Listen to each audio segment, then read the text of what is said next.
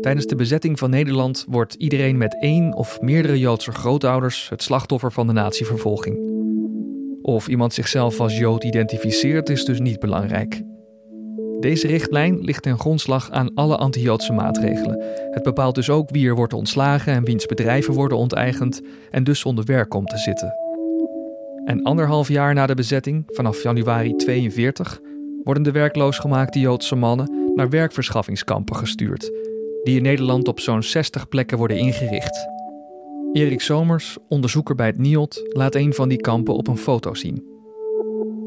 Wat we hier zien is een eh, foto van Joodse mannen in een eh, werkkamp in Vledder, in Drenthe, noorden van Nederland. En uh, Joodse jonge mannen werden gedwongen om te werken voor de bezetter in kampen. Ze werden van hun uh, gezinnen gescheiden en bijeengebracht.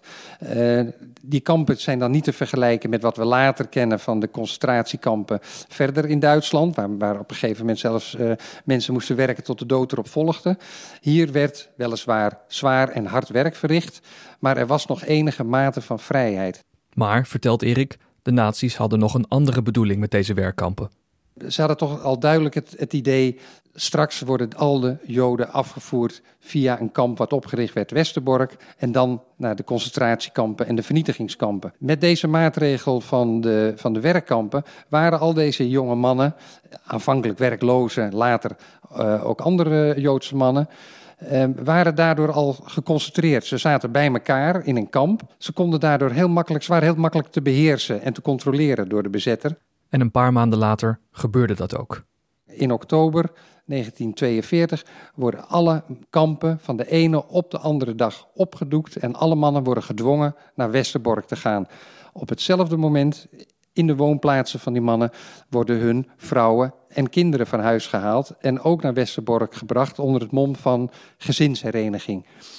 Binnen een week zijn de meeste van deze mannen direct doorgestuurd naar kamp Auschwitz en daar zijn ze vrijwel allemaal heel snel vermoord door de nazi's.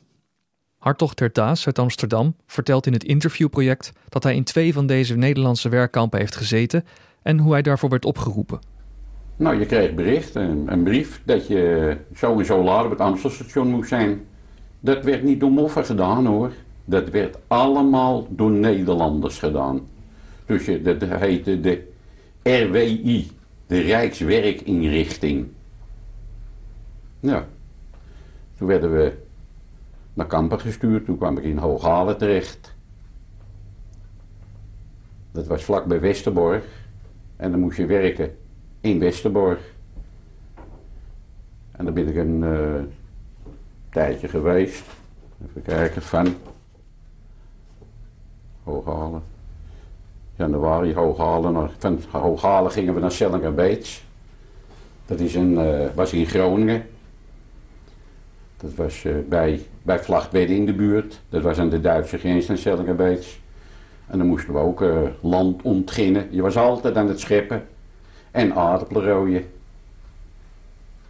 En als we dan van het kamp naar het werk liepen, dan had je in Groningen, dan, waar wij dan liepen, had je allemaal van die grote boerderijen, van ja, herenhuizen zal ik maar zeggen, toen de tijd.